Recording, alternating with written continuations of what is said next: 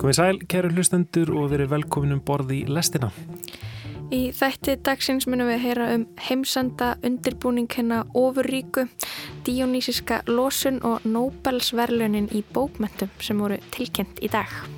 Sagt, fjallar um unga stúlku sem fer í ólöglega fóstureyðingu árið 1963 þegar Það er mjög hættulegt í Fraklandi og þú getur annarkvært drepist með því að fara inn í eitthvað skumaskott eða lendi fangelsi.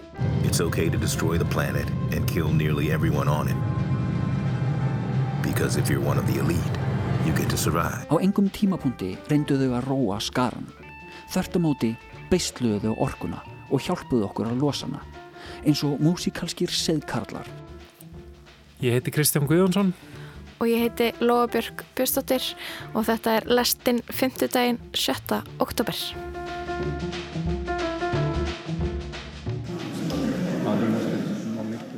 Nú í morgun klukkan 11 að íslenskum tíma steg formaður sænsku akademíunar á svið í Stokkólmi og tilkynnti um það hver hlítur þekktustu og einvirtustu bókmyndaverlun heims, Nobelsverlunin. Nobelpriset i litteratur år 2022 tilldelas den franska författaren Annie Ernaux för det mod och den kliniska skärpa varmed hon avtäcker det personliga minnets rötter. Já, að þessu sinni var það hinn franska Annie Ernaux sem hlaut velaunin. Ernaux sem er 82 ára, er stjarnar í frönsku bókmyndalífi Fætt í Normandi, gaf út sína fyrstu bók árið 1974, þá rúmlega 30, en hefur síðan gefið út á þriðjatug bóka sem langflestar byggjað einhverju eða öllu leiti á hennar eigin æfi og upplifunum. Hún er höfundur sem var í fararbrotti þegar bylgu sjálfsæfisögulegra skáldsagna, sjálfsagna sem hafa verið svo vinsælar undanfærin ár Höfundur sem talar skýrt inn í MeToo tímana sem við lifum, höfundur sem talar inn í alþjóðlegar deilur um þungunarof og rétt hvenna yfir eigin líkama. Í raukstuðningi Nobels nefndarinnar Sænsku segir hún hljóti velaunin fyrir hugrekki og skarp skigni í skrifum sínum sem varpa ljósi á rætur frákvörf og fjötra personulegra minninga. Í bókum sínum fjallar hún um uppvakstar ár sín í verkamanna fjölskyldu í Normandi, um ferðarlag hennar upp stjættastegan, um sína fyrstu kynlífsreynslu sem hún átti með eldri manni og var í langan tíma að vinna úr, um fóstureyðingu sem hún gekk í gegnum á unglingsaldri þegar þær voru enn ólöglegar í Fraklandi, um baráttu sína við brjóstakrabbamein, um Alzheimer sjúkdóm móður sinnar Og já, svo eru þarna bækur með bersöglum lýsingum á ástaræventýrum, eldri konu með mun yngri karlmannum. Nokkra kvikmyndir hafa verið byggðar á sögum Annie Ernaux, nú síðast mynd byggð á bókinni Atburðurinn, L'Evenement, en svo mynd hlaut gulljónið í fenniðum í fyrra. Bon, et alors les études? Elle va bientôt avoir son diplôme avec mention. Ça va, hein, c'est pas la modeste. On le sait bien que t'es douée. Einn bók eftir Annie Ernaux hefur verið gefin út á íslensku en það er bókin Le Place eða Staðurinn sem Rut Ingólstóttir þýtti og Ugla gaf út fyrir á þessu ári. En brotinn sem við heyrum lesin í einslæginu eru öll úr þeirri bók. Ég vildi segja frá, skrifa um föður minn, líf hans og þessa fjarlagð sem varð á milli hans og mín þegar ég var unglingur. Skilmiðli stjætta en sérstök sem eiga sér ekkert heiti líkt og aðskilin ást. Eftir það byrjaði ég að skrifa skáldsögu þar sem hann var aðalpersonan. Í miðri frásögninni bauð mér við þessu. Fyrir stuttu áttaði mig á að skáldsaga er óhugsandi. Til þess að gera skil lífi sem lítur hinnu nöðsynlega hef ég fyrsta lagi engan rétt til að fara inn á svið listarinnar og ekki heldur að leitast við að gera eitthvað spennandi eða hjartnægt. Ég mun sapna saman orðum, reyfingum, smekkföður míns því helsta sem að skilda eftir spór í lífi hans, öllu því sem að gefa raunsana mynd af lífi sem að ég var líka hluti af. Hingað um borð í lestina eru komin þau Torfi Túlinius, professor í íslensku meðaldafræðum og, og Artís Hrönn Eilstóttir leikona. Bæði eru um, já, mentuð í Fraklandi og, og hafa, hafa tengingu við, við Frakland og franska bókmentir. Verið velkomin bæðið tvö. Artís, kannski við byrja bara á þér. Já. Hvenar kynntist þú um, bókum Annie Ernaux? Í raun bara í sömar.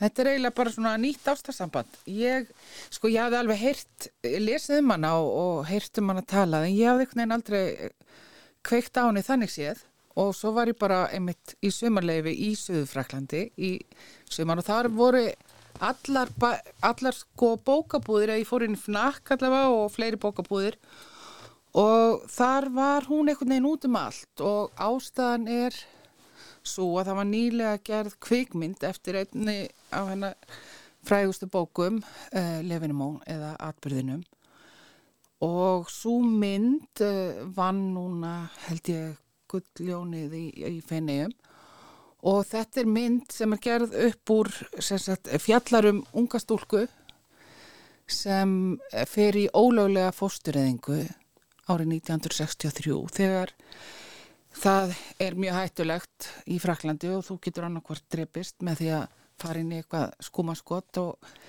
eða lendi í fangilsi eða allir þeir sem hjálpaðir geta líka lendi í fangilsi og þetta er sérst í raun byggt á eins og flestar hennar bækur á hennar eigin æfiminningum og þannig er hún að fara í gegnum þennan atburð og er orðin, ég held að bókin hafi komið út árið 2000 held ég og og þannig er hún sérst á 60. aldri þegar hún skrifar þetta og, og það er ótrúlega flott hvernig hún gerir þetta því hún einhvern veginn hoppar á milli í tíma, hún er þarna stödd eitthvað starf að fá á einu á einhverju lækniskrifstof að fá sérst úr því skorið hvort hún sé með AIDS eða ekki, mm. að því hún er nýbúin að sofa hjá einhverju manni sem hún uh, þekkt ekki og, og þá allt í hennu bara fer hún ón í ruslarennu minningana og mann veginn, þetta kemur í gegnum allar þessar sprungur þessi atbyrður þegar mm -hmm. hún mhm. fór sem hefur haft í raun áhrif á allt hennar líf Þannig að þú last þetta núna bara uh, í sumar og, og, og varð svona dolfallin Algjörlega dolfallin, ég bara svolítið svona eins og, stofn, e, e, eins og að vera ástfangin sko, e, það er ekkert oft einhvern veginn sem að höfundar ha, hafa þannig áhrif á mann en það er alltaf einn og einn og, og ég það er eitthvað við stíl, það er eitthvað svona hugrekki í það, í því hvernig hún skrifar. Uh, flest hennar verki eru sjálfsæfisöguleg og hún fer í gegnum reynslu heim hvenna, uh, hún er að tala um þegar, uh, ung, þegar hún stúlkaði missir meidómin, hún talar um mm -hmm. samband sitt við föðu sinn og móðu sína, hún er að tala um einhvern veginn svona þetta klass á milli kynnslóða og líka stjættaskiptingu staðurinn sem kom, sem er held ég eina bókina sem hefur komið út í íslenskri þýðingu, talar einmitt um samband hennar við föðu sinn og það þar til dæmis er alveg einhvern veginn kristaltært, hún er einhvern veginn næra að fanga rosalega vel þessa stjættaskiptingu mm -hmm. í Fraklandi sem er, já, einhvern veginn á nýjan átt og ég las það eitthvað starf þegar ég var svona að kynna mér hana á að hún virðist, ár, hún er mjög áhrifarík, þess að hún hefur mikil á, haft mikil áhrif í Fraklandi og viðsverum og það, hennar áhrifum á franskar konur hefur dæmis verið líkt við Simón de Beauvoir Já, sko.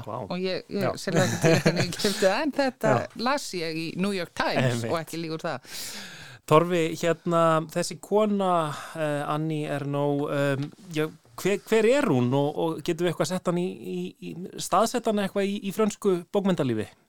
Já, sko hún er fætt 1940 þannig hún er komin á nýraðisaldur núna hún er búin að vera Eh, að skrifa alveg frá því hún var komin, bara nýkomin á þrítusaldurinn. Fyrsta bókin sem vekti verulega aðtikli er einmitt bókin sem að Röti Ingústóttir þýtti núna nýlega og kom út í, í bókuforleginu Uglunni bara núna fyrir á þessu ári og heitir Staðurinn eins og Ardís var að segja.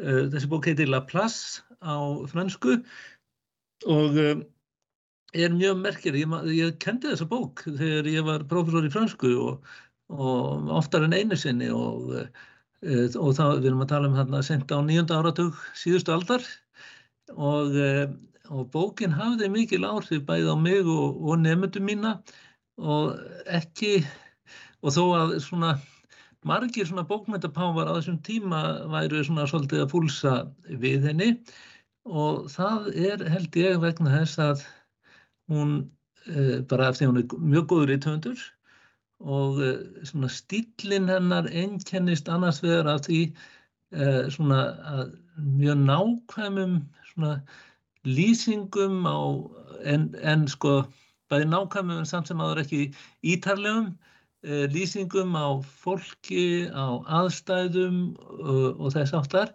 en án þess þó að tólka um leið þannig að þetta er svolítið svona Íslandíkarsagnar stíl hjá henni að því leiti að hún lei eftirlætur uh, lesandanum í raun og verið að, að finna til með personum og skinja tilfinningar þeirra og, skinn, og hún er sett meistari í svona hinnum margræða mm. og ég held að, að það sem að sko, þessi sko, þessi hæfileikjannar til að tólka og koma, koma til skila margaðum tilfinningum aðstæðum sé einmitt, sko, rótin sé í hennar upplifun af stjættaskiptingunum og franska samfélaginu.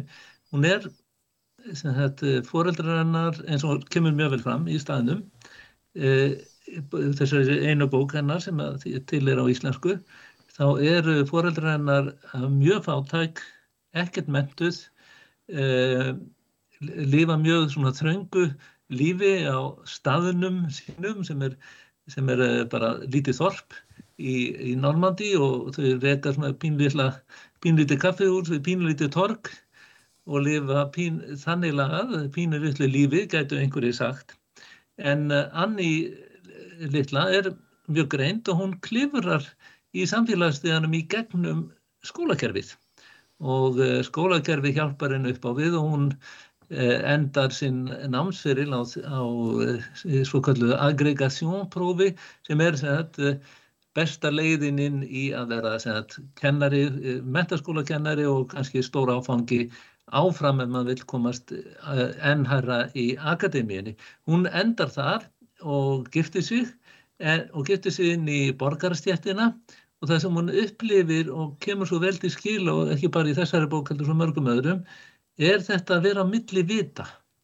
Hún er annars vegar, er hún af þessum uppruna, eh, alþýðu, fátæktar, uh, menningar snauð allavega frá sjónarhóttni borgaristéttarinnar, eins og þar fær hún aðgangað heimi borgaristéttarinnar, er þáttangað í henni og, og skinnjar þetta róf þarna á milli og það er akkurat það sem er svo hreyfir svo viðmanni í þessari bókstæðnum, það er þetta samband hennar aftur við uppruna sinn, við föður sinn, við hans stöðu í samfélaginu og sorgin sem að svona, þessi blend, blendu tilfinningar en líka sorgin sem að fylgir því að hafa yfirgefið sinn uppruna sinn og farið eitthvað annað og inn í einhvern heim þar sem maður á ekki heima mm -hmm. og kannski er, er ekki fyllilega heima og kannski er það einmitt það sem er svo hellandi fyrir lesendur í, í þessum bókum er að hún tólkar svo vel hvernig það er að vera á skjön við tilveruna hvort sem maður er kona hvort sem maður er fátækur, hvort sem maður er, já, hefur einhverja kynneigðir sem ekki falla að viðurkendum normum eða, eða bara einfallega með skrítið ættanapn eða eitthvað því umlíkt. Uh mhm. -huh. Og eh, hérna, þannig að hún er mjög mikill málsvari þeirra sem eru svona kannski á jæðurinnum í samfélaginu eða eru settir út af jæðurinn í samfélaginu. Frammi fyrir fólki sem hann mat mikilsráðandi var hann feimnislega stífur. Var aldrei fram nokkra spurningu, sem sagt, kom fram á gáfulegan hátt. Í því fólst að skinja læri stöð okkar og að neyta henni með því að fela hann eins vel og hægt var. Og hún, hún notast við þetta svona sjálfsæfisögulega form, það verðast nánast alla bækurnarinnar vera, vera byggðar á hennar einn æfi, en, en, en hún verðist einhvern veginn samt segja meiri eða svona stærri sögu um, í gegnum þetta sjálfsæfisögulega form Ardís. Algjörlega og, og einhvern veginn, hún, hún er alltaf að skrifa um það sem er einhvern veginn intímt, það sem er berskjaldandi og en eins og Torfi benda og þá er einhvern veginn stílin er svo meitlaður og hann, er einhver, þetta er einhver svona kraftaverka stíl hún er þáttið svona kraftaverka höfundur hún er mjög svona tálgaður og, og hún einhvern veginn kemur svo sko vel einhvern veginn til skila þessum sásauka þessar, þessari sásauka fullu, e, það að vera á skjön þessari mm -hmm. sásöka fullu fjarlag eins og til dæmis í einmitt að því að Torfi var að tala um staðin það, man, það er þarna, þessi fjarlag milli hennar og pappinar það sem að hann segir til dæmis hana, já bækur og tónlist það er bara fínt fyrir þig, ég þarf ekkert á því að halda til að lifa mm -hmm. það, og, og á meðan hún þarf á því að halda það er henni einhvern veginn það er það sem hún berst fyrir og, og það er það sem kemur eins og í, í atbyrðinum, það er hún fer í þess að fóstureyðingu til að eiga líf að því hún þarf mm. að lifa þessu lífi þessara, lífi þessara bókmyndakonu annars hefur hún ekkert að gefa þessu barni en, en þegar hún fer í gegnum og hún lýsi því svo flott einhvern veginn að þegar hún fer í gegnum þessa fóstureyðingu þá fattar hún samt að hún vill eiga börn hún vill bara ekki eiga barn þarna á mm. þessum tíma vegna þess að hún þarf að eiga líf. Sko, Torfi, hérna hún, hún Artís var að segja að, að síðasta sumar hafi, hafi bókabúðirnar í Fraklandi verið allar, allar fullara af bókum eftir Annie Ernaux. Sko, já. hún er að fjalla um... Það er alltaf nóg af bókum það. Já, já. það er nóg. Hérna, um, hún er að fjalla um svona málefni sem eru mikið í deglunni núna, það, hún er greinilega e, að fjallum e, einmitt eins og fóstureyðingar sem eru auðvitað mikið umræðinni við um heim e, hún er að fjalla um mál sem væri velhægt að setja inn í MeToo reyfinguna, mhm. um sína fyrstu kynlífsreynslu með, með eldri manni mhm. sem er augljóslega í mikill valda misræmi þar á milli og svo er það þessi mm. sjálfsæfisögulegi stíl sem hefur náttúrulega verið mjög vinsætli í bókmyndaheiminum undanfarn ár. Er hún einhvern veginn svona, hef, hefur hún verið í tísku núna undarfarið eða hvað? Já, já, hún er búin að vera í tísku bara mjög lengi en svona mismikið, það er svona einhverjir líta niður á hana en ég held að sé mikilvægt, er svona allavega tvö atrið sem ég nefna sérstaklega. Það er annars vegar þetta að þessi sjálfsögu rítun hennar, hún er svolítið brautriðjandi á því siði.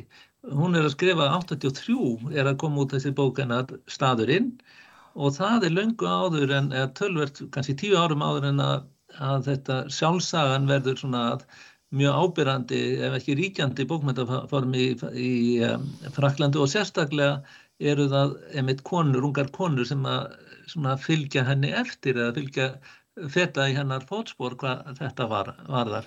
En svo er hitt sem að ég vil nefna er að það, það að byggja skálsögu mjög mikið á eigin upplifun á sér langa hefð í franskum bókmyndum og allavega næri aftur til fyrir hluta 20. aldar og það er í verkum Marcel Proust og sem við eigum í íslenski þýðingu allavega hluta til eh, Pétur Gunnarssonar í leitað glötuðum tíma eh, þó að eh, bókin sé ekki svona opinskátt, þær bækur sé ekki opinskátt sjálfsæfisögulegar, þá eru þær það eigi að síður og í núna þegar að Annie Ernó er nýbúin að fá bókmyndavelunni eða tilkynntum að hún fái Nóbersvelunin hefur það einmitt verið nefnt að hún er alveg hluti af einhverju hefði í franskum bókmyndum sem að sem að regja má til Prúst og einmitt það sem Aldís var að segja alveg upphæfið hvernig hún flakkar á milli ólíkra tíma, hvernig reynsla í nútímanum vekur upp endurminningar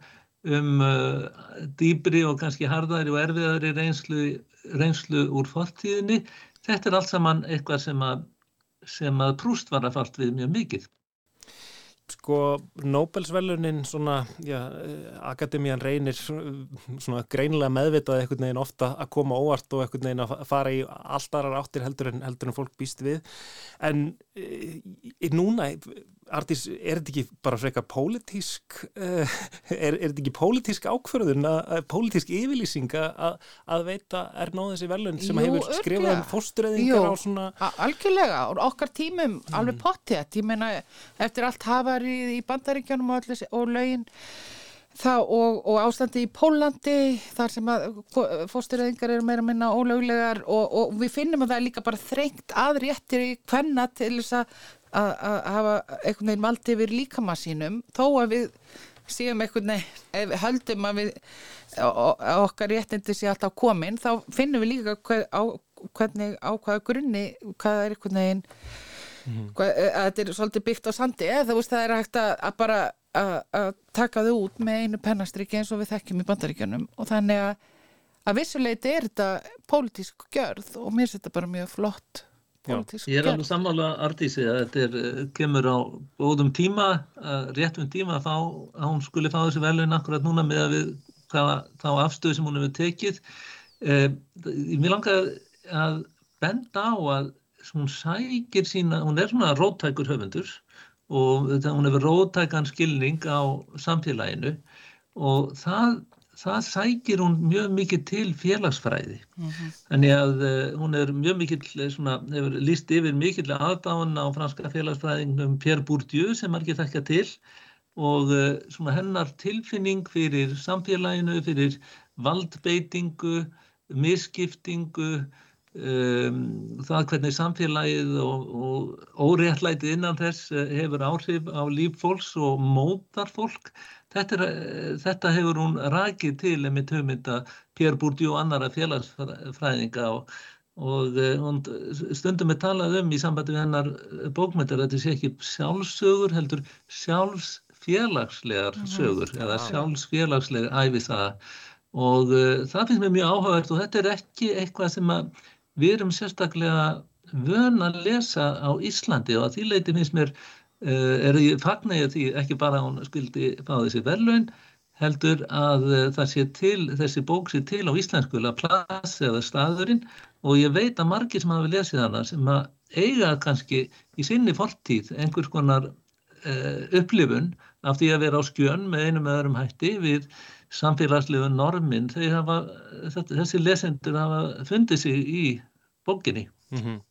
Og, en þetta er eitthvað sem hefur svona kannski í kjölfarið um, orðið algengara í Fraklandi sko ég hef lesið hérna ungan höfund sem heitir Edward Louis uh, og er ekki Didier Erebon eða eitthvað svo leiðis það eru fleiri sem hafa svona farið í þessi fótspora að segja eða skrifa eitthvað svona sjálfsæfisögulegar bækur sem að sem að takast á við þennan stjættamun og, og, og, og menningarauðin og félagsauðin uh, og þetta Alveg, nákvæmlega, þú nefnir einmitt tvo sem að báðir eru þeir samkynniðir og uh, hérna einmitt uh, nota félagsfæðina og sjálfsöguna til að svona dýfka bæðið eigin skilning og þá skilning lesenda sinna á, á mm. þessu hlutskipti.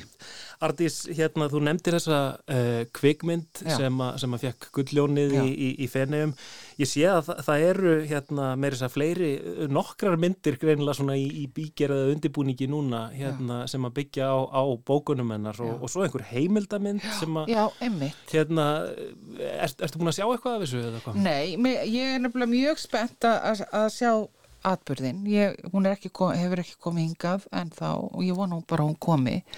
Að ég held til dæmis að, að með henni, það sem ég fann svo flott líka við bókina og, ég bara skoða hennar trailer á netinu og svona brott úr myndinni er að hún er, sko hann er hún er ekki, hún, það er, er engin tilfinningasem í þessu en hún fer eitthvað neginn beint inn í myndirnar og, og og, og hún þorir alveg að fara inn í myndina þar sem englagerðarkonan, hún kallar það feðsust dán, englagerðarkonur, það voru þessar konur mhm. sem eh, framkvæmdu fósturöðingar í einhverjum bakarbyggjum og það sem er með þvottarskálina og sonduna og þú ferð inn í þennan heim og inn í þennan raunveruleika og hennar raunveruleika án þess að sé ykkur svona tilfinningasemi og ég held ég sá um eitt viðtal líka við þennan leikstjóra sem þessa fransku konu sem gerði myndina og hún uh, talaði mitt um áhrifamátt Anni Erna á sig og það hefðu margir einmitt kritisirað hana fyrir að akkur er hún að gera þessa mynd í dag um konu sem fyrir fórsturriðingu 1963 mm -hmm. en það hefur nú aldrei sínt sig að það. Er málið. Sko við verðum að, að fara að ljúka þessu Torfið, mér langar að, að grípa eitt sem að sko, þú sagðir erst búin að segja einu sinni eða tviðsar núna hérna, að það séu ímsir sem hafa ekki haft mikið álit á henni í frönsku bókmyndalífi hvað hérna e, hver er ástæðan og, og heldur að það breytist núna bara þegar hún er búin að fá þennan uh, þessa svona þekktustu viðkenningu á bókmyndasviðinu? Fyrsta lagi þá hafa frakkar mjög svona tvíbenda, eða margir hverju tvíbenda afstöðu til Nóbersfjörlunana það er aldrei þeir höfundar sem þeir vilja fá þau sem að fá þau. Og uh, þá við um Claude Simon hérna 84 og það átti e, að einhverju leiti við um Le Clésio og kannski minna um Modiano. Uh, já þá er eftir að koma í ljós hver, hvað fólk segir núna á næstu klukkustundum og dögum en uh, þessir svona sem að líta niður á hana bara líta, ég held að svona, það, að einhverju leiti er þetta fólk sem lítur á, sem að trúir á svona því að listin sé að vera, eigi að vera til fyrir listina. Uh -huh. en uh, þessi samfélagsleg svona skýrskotun í bókum Anni Ernó er ekki svona þeim þóknarleg og svo er þessi kannski látlausi stíl það er ekkert flúr hjá henni eins og Ardís var að benda okkur á að þeir átti sig ekki á því með hvað þetta er beitt vopn sem hún mm. hefur og hvað hún næri með stert til fólks með þessum einfalda, skýra uh, stíl sem er einmitt eins og Ardi segir algjörlega laus við tilfinningasemi. Þetta er mjög spennandi, ég ætla bara að fara beint út í bókabúð og, og kaupa, kaupa allar bækur sem Já. ég finn. um, Torfið Túliníus, Artís Rann Eilstóttir, takk kærlega fyrir að koma og ræða við mig um Anni er nú. Takk fyrir. Kurtið sem millir foreldra og barna var með lengi ráðgata. Það tók mig líka mörg ára að skilja þá yfirmáta vinsem sem vel upp alveg fólk sínir þegar það innfallega hilsar. Ég skammaðist mín. Ég átti ekki svona mikla virðingu skilið. Ég fór meira að segja ímynda mér að þetta veri sérstök velvild í minn garð. Síðar meir áttaði mig á að þessar spurningar sem borna voru fram af yfirmáta áhuga, þessi brós, hefði ekki meira gildi en að borða með lokaðan munn eða snýta sér svo að líti bara á.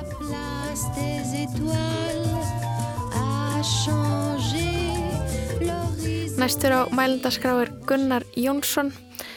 Hann rifjar upp atbyrð sem átt sér stað í lögutarsöllinni árið 2016.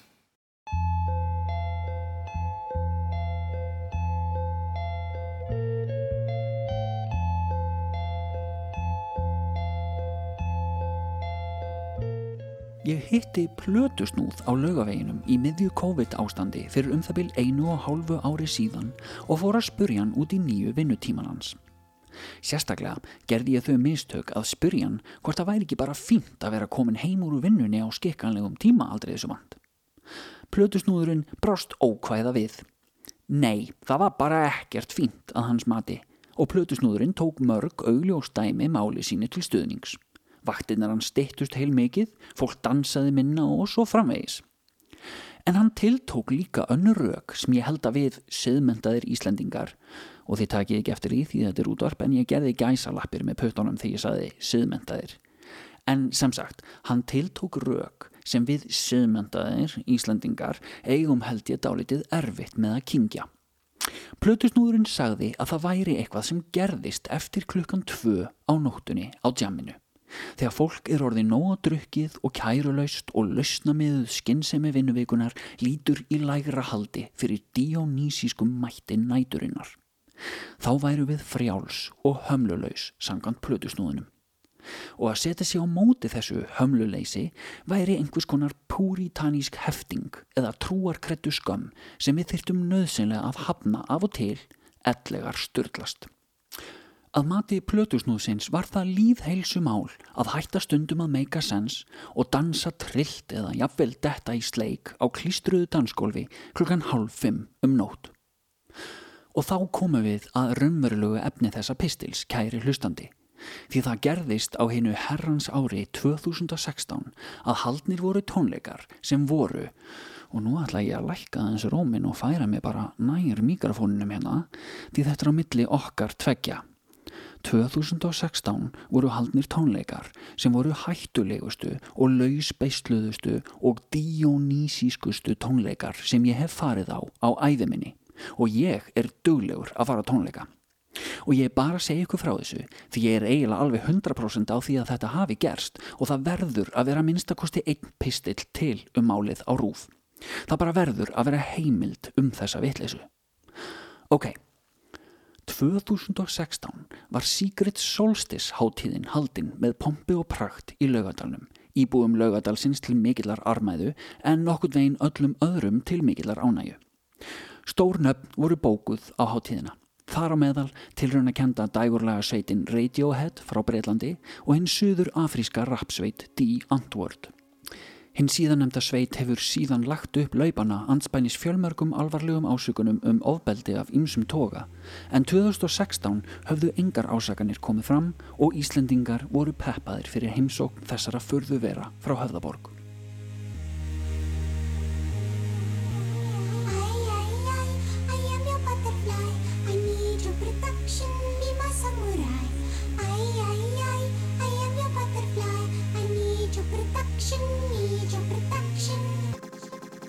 I'm a ninja. Yo, my life is like a video game. My main thing when I'm in the zone. One player, one life in the mark. Remember the dog. Go ninja, go! No down, I'm cutting down anyone I'm apart. Trying to fuck up my game with razor sharp political throw. Hátíðin endaði hins vegar á því að vera plöguð af alls konar erfiðleikum. Miklar raðir mynduðust, löggan var með sína klassísku stæla og þegar það var tilkynnt að tónleika Radiohead erðu haldnir í nýju lögatarsællinni var mörgum ljóst að aðeins lítill hluti hátíðargesta myndi komast af. Þetta var sérlega óhefilegt því stór hluti þeirra sem keftu armbanda á Secret Solstice 2016 gerðu það gaggert til að sjá Radiohead og síðan kannski nátt í antword á útisviðinu og sunnudeginum ef það væri í stöði. Langar og rugglingslega raðir mynduðist fyrir utan höllina fyrir Radiohead gigið á föstudeginum. Sumir mistu af öllum öðrum viðbörum dagsins til þess eins að býða eftir tónleikum sem þeir síðan komust ekki inn á. Út undan mér heyrði ég megnar óánægu rattir með skipulagið og á sunnideginum var ljóst að það var komin ákveðin kerkja í hópin. Það var eins og spenna væri búin að byggjast upp jamt og þjætti við hátíðina en enginn hafði fengið tækifæri til að losa almenlega um hana. Það var orði ljóst að því antwort á útisviðinu á sunnideginum er því síðasti sjans fólks til að sletta ærlegur klaufunum. Og hvað heldur þú, kæri hlustandi, að hafi síðan gerst? Jú, á seinustu stundu á sunnudeginum var tilkynnt að fluginu sem innihjalt meðlimit í Antwort hefði senkað töluvert og nú væri orðið of senkt að halda hávara rapptónleika á útisviðinu. Tónleikanir höfðu verið færðir inn í gömlu höllina og jafnvel færri en komast á Radiohead myndu komast af. Það var á þessum tímapunkti sem er hætti að lítast á blikuna. Það var nefnilega á þessum tímapunkti sem gestir Secret Solstice hátíðarinnar 2016 störgluðust.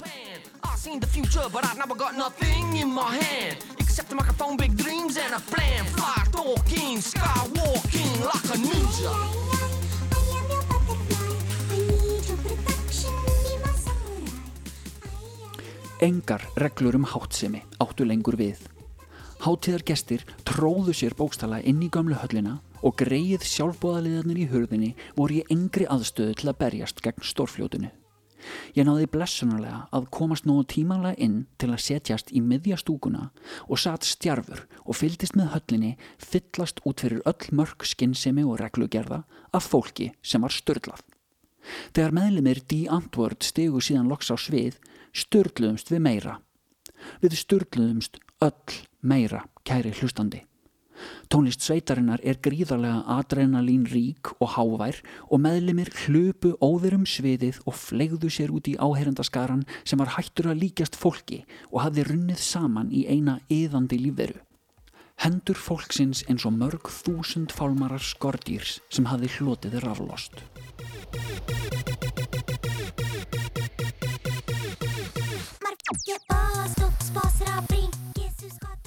Ég hef aldrei orðið vittni að slíkri orku losun, korki fyrr nýja síðar. Í stúkunni ríkti svipað ástand. Þykkur kannabisreikur lág yfir, á hægri hönd var ung stúlka búin að rýfa sig úr öllum fötunum og dansaði nakin í leðslu. Ég leiti kringum mig og sá skindilega fleiri kvennmannsbrjóst en ég hafði séð á æfiminni samanlagt. Senan líktist nú einna helst endinum á ilminum sögu af morðingja eftir Patrik Súskind. Röð óhapa hafði orðið til þess að skapa dionýsískar óerfir í höllinni, eins konar tónlistar orgiu. Ég var eina manneskjan sem dansaði ekki, heldur satt stjarfur og trúði ekki ein augum og eirum. Skyndilega var ókunnug stúlka fyrir aftamig farin að kýla mig í bakið og þegar ég leit við öskraðun á mig og ég afsaka orðbræðið hvað er fokking að þér? Fokking dansaðu, fokking tussaðín, fokking dansaðu. Og hún var í senn full kærleiks þrátt fyrir orðbræðið en líka reið því hún vissi að við værum hér til að sleppa takinu í smástund og það var ég sem var óviðeigandi, svona fullklættur og reyfingalös. Hljómsveitin lísti því á sviðinu hvernig þau höfðu keirt langt yfir leifilegum hámarksraða með hjálp lögreglunar til að ná tónleikonum. Já, meira að segja löggan tók þátt í ævintýrinu. Það var eins og alheimurinn sjálfur hefði sett hefðbunna skinnsemi heimsins á pásu og lagt á ráðinn um að skapa tímabundið stjórnleysi. Og aðalsbrautur Di Antwoord, þau Jólandi og Ninja, virtust búa yfir yfirnáttúrulegum hæfileikum í að beisla orkuna á svæðinu. Á engum tímapunkti reynduðu að róa skaran. Þörtumóti beisluðu orkuna og hjálpuðu okkur að losana eins og músikalskir seðkarlar eða brimbrettakappi sem skilur að þú getur ekki barist gegn öldunum, aðeins reynd að svífa um á þeim. Og á einhvern undarlegan hátt er eins og fólkið í höllinni hafi kunnað að störtlast og tónlistin hafi hjálpað því að sleppa takinu á hátt sem ekkert annað fyrirbæri getur. Ég er ekki að segja frá þessu til þess að verja óurugt tónleikahald eða hljómsettina The Antwoord. Síðan fólk let lífið á tónleikum Pearl Jam á Róaskeldu árið 2000 hefur tónleikahöldurum verið fulljóst að það þarf að halda öruga viðbörði. En stundum líður manni líka eins og ekkert sé hættulegt lengur og það gerir okkur að halgerðum börnum úr tengslum við líkama okkar og okkar innri Dionysos. Ég hef aldrei gengið út úr höllinni eftir tónleika í jafn þöglum áherendaskara. Engin sagði orð. Við höfum verið tæmd og það var ekkert hægt að segja. Ég leit fyrir aftan mig og sá stúlkuna sem hafi dansað nakin hægra megin við mig. Hún var komin aftur í fötinn og horfið fram fyrir sig með augnaráði mannesku sem hafði ekki ætlað sér að dansa nakin í lögadásællinni þetta kvöld. Og satt best að segja hef ég aldrei heyrt neitt tala um þessa tónleika síðan þeir voru haldnir. Mögulega því við erum ekki alveg viss um að það hafi raunverulega gerst.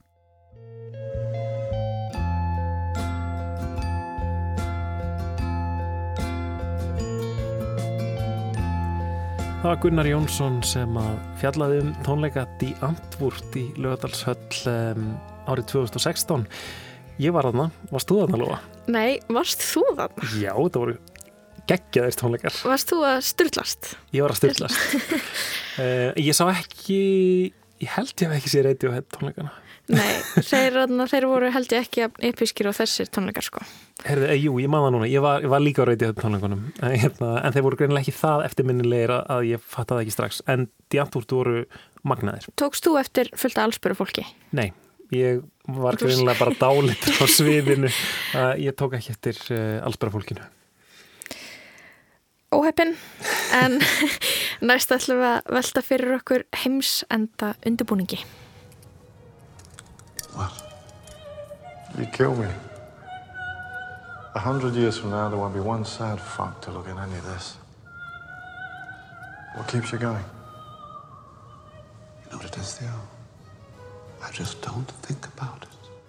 Eftir hundrað ár verður enginn til að horfa á þetta allt. Hvað heldur þér gangandi? spyr Þíó frænda sinn í kvikmyndinni Children of Men. Myndi leikstjórn Alfonsos Cuarón frá árunnu 2006. Ég hugsa ekki um það, svarar hann.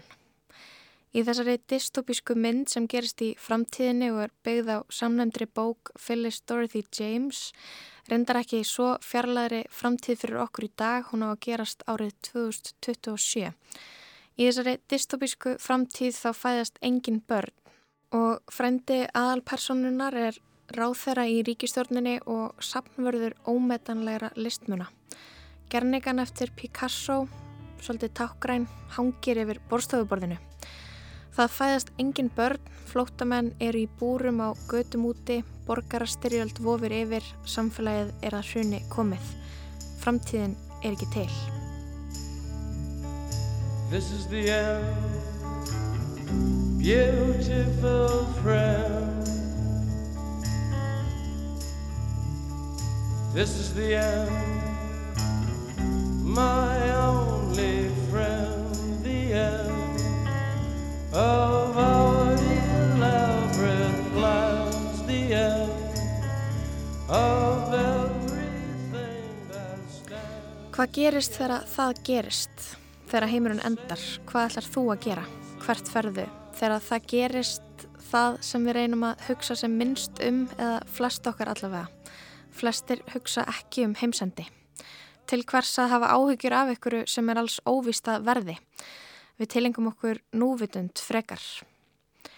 Ef allt fyrir á versta veg, ef allt fyrir á þann veg sem vísindamenn hafa varað við, ef allt fyrir ruggl og fólk þarf að flýja og vatni er búið og það er of heitt úti og það er allt að og flóðin koma og annar staðar þornar jarðvegurinn og öllum verður of heitt og of kallt. Þegar einhver children of men raunveruleiki rætist. Kanski. Við venjulega fólki hugsum ekki út í það, en það gera aðrir. Climate change is amplifying extreme weather events like hurricanes, heat waves, and other disasters. What's the first thing that comes to mind when you think of how best to prepare for this stuff? Moving inland? Stockpiling water? Buying flood insurance? It's okay to destroy the planet and kill nearly everyone on it. Because if you're one of the elite, you get to survive. These crazy Cold War bunkers, like fantasy lands. When it comes to the apocalypse, nothing's quite as terrifying as nuclear war. So, when the nuclear apocalypse comes, are we going to get blasted back into the Stone Age?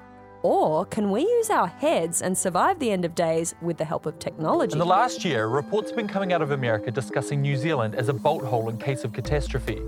A New Yorker article said that in Silicon Valley circles, talking about buying a house in New Zealand is shorthand for apocalypse insurance.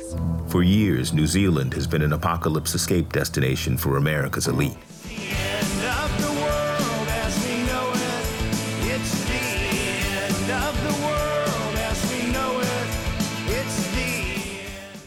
Sumir eru að undibúa sig. Shows up at an exclusive resort to deliver a talk about the digital future to a group of wealthy tech executives. Þetta er Douglas Rushkoff, fjölmjöla fræðingur, blaðamæður, rittvöndur og margt fleira. Rushkoff heldur fyrirlestra og skrifar um áhrif stafræna heimsins á okkar daglega líf. Fyrir nokkru síðan byrtist grein eftir hann í Guardian þar sem hann segir frá undarlegri samkomi sem hann tók þátt í fyrir nokkrum árum. Greinin er útráttur úr bókans The Survival of the Richest, hinn er ríkustu lifa af. And then the third question, the one that made me realize that this was more than I signed up for, they said uh, Alaska or New Zealand, meaning where should they situate their bunker? Hann segir frá því þegar hann þáði bóð fjárfesta af einskjari forvitni og fyrir mikinn pening og hitti þá í miðri eðimörkinni til að ræða framtíðina. Hann hittir háttsetta fjárfesta í tæknigeiranum Silicon Valley týpur, fimm ofurríka menn að minnstakosti 2 miljard Amerika. Sest niður með þeim í kvítu herbyggi í byrgi í Eidumörk og í staðis að hlýða á ræðu frá honum þá vilja þeir spyrja.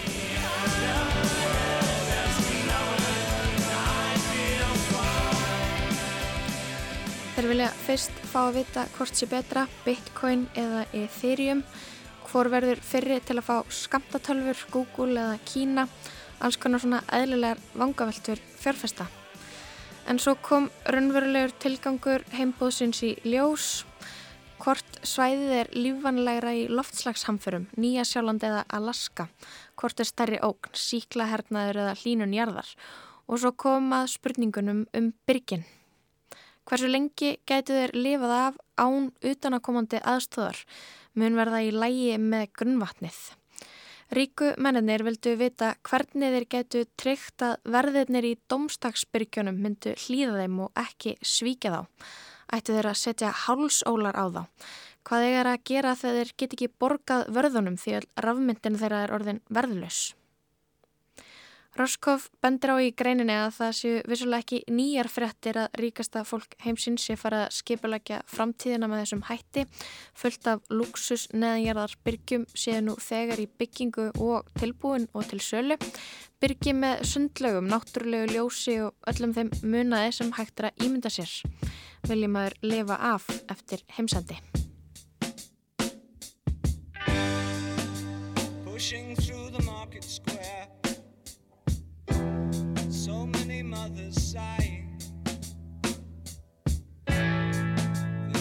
Had just come over. We had five years left to sighing. News guy wept when he told us Earth was really dying. Cried so much his face was wet. Then I knew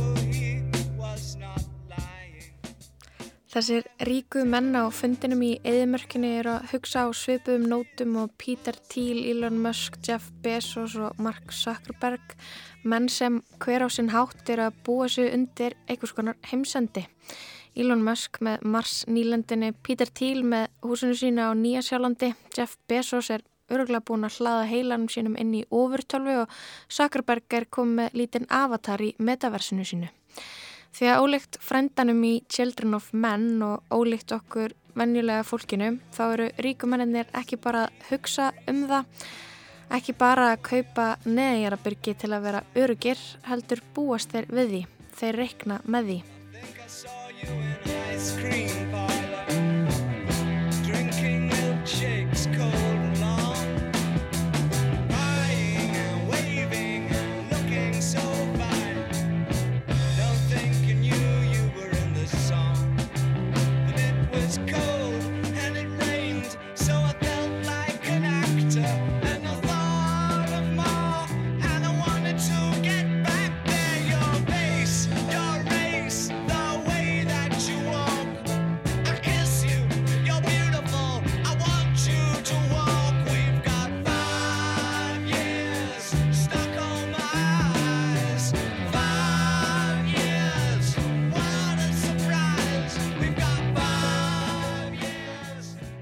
Ruskov reynir að útskýra fyrir þeim að nei, hálsól og ógnarstjórn og hlýðinni mun ekki skila vænlegum niðurstöðum heldur að ég að umbeta sér að því að byggja og rækta sambönd og tröst aðeins þannig getið þeir trist þeim sem vinna fyrir þá.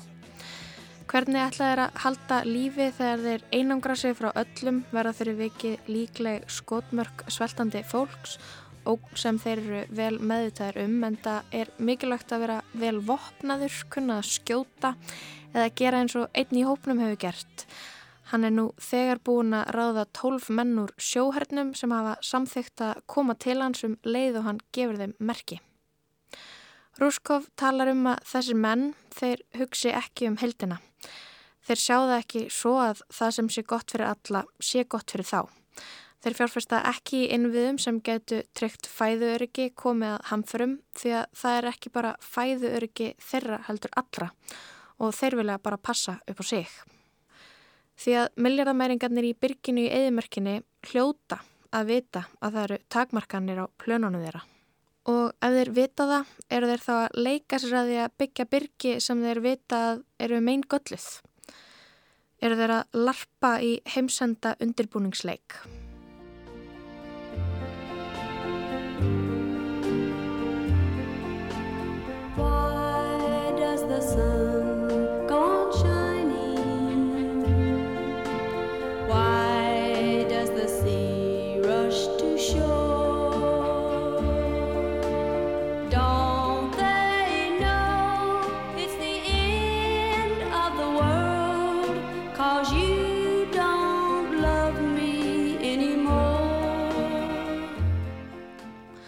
Rúskov líkur greinsinni á því að veltaði fyrir sér af hverju hann hafi verið bóðaður á fund miljardamæningana.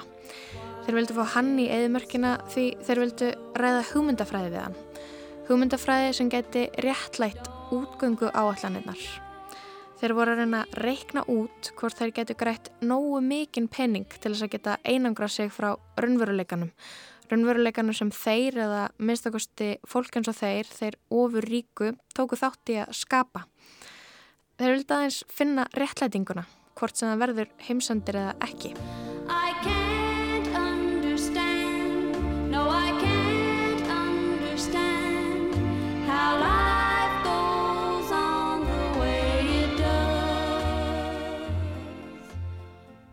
Rúskov býður upp á áhugaverða vangaveltu.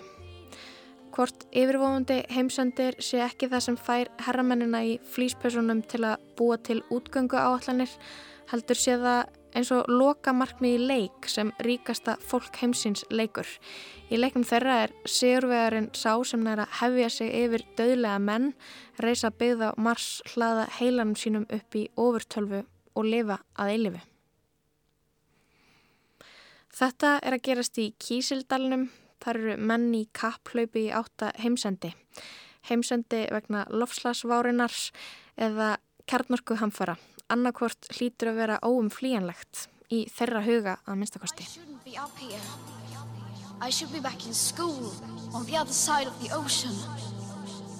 Yet you all come to us young people for hope. How dare you? You have stolen my dreams, my childhood with your empty words. And yet I'm one of the lucky ones. People are suffering. People are dying. Entire ecosystems are collapsing. We are in the beginning of a mass extinction, and all you can talk about is money and fairy tales of eternal economic growth. How dare you come here saying that you're doing enough when the politics and solutions needed are still nowhere in sight? Right here, right now is where we draw the line. Right here, right now, right here, right now, right here, right now, right here, right now, right here, right now, right here, right now, right here, right now, right here, right now, right here, right now, right here, right now, right here, right now, right here, right now, right here, right now, right here, right now,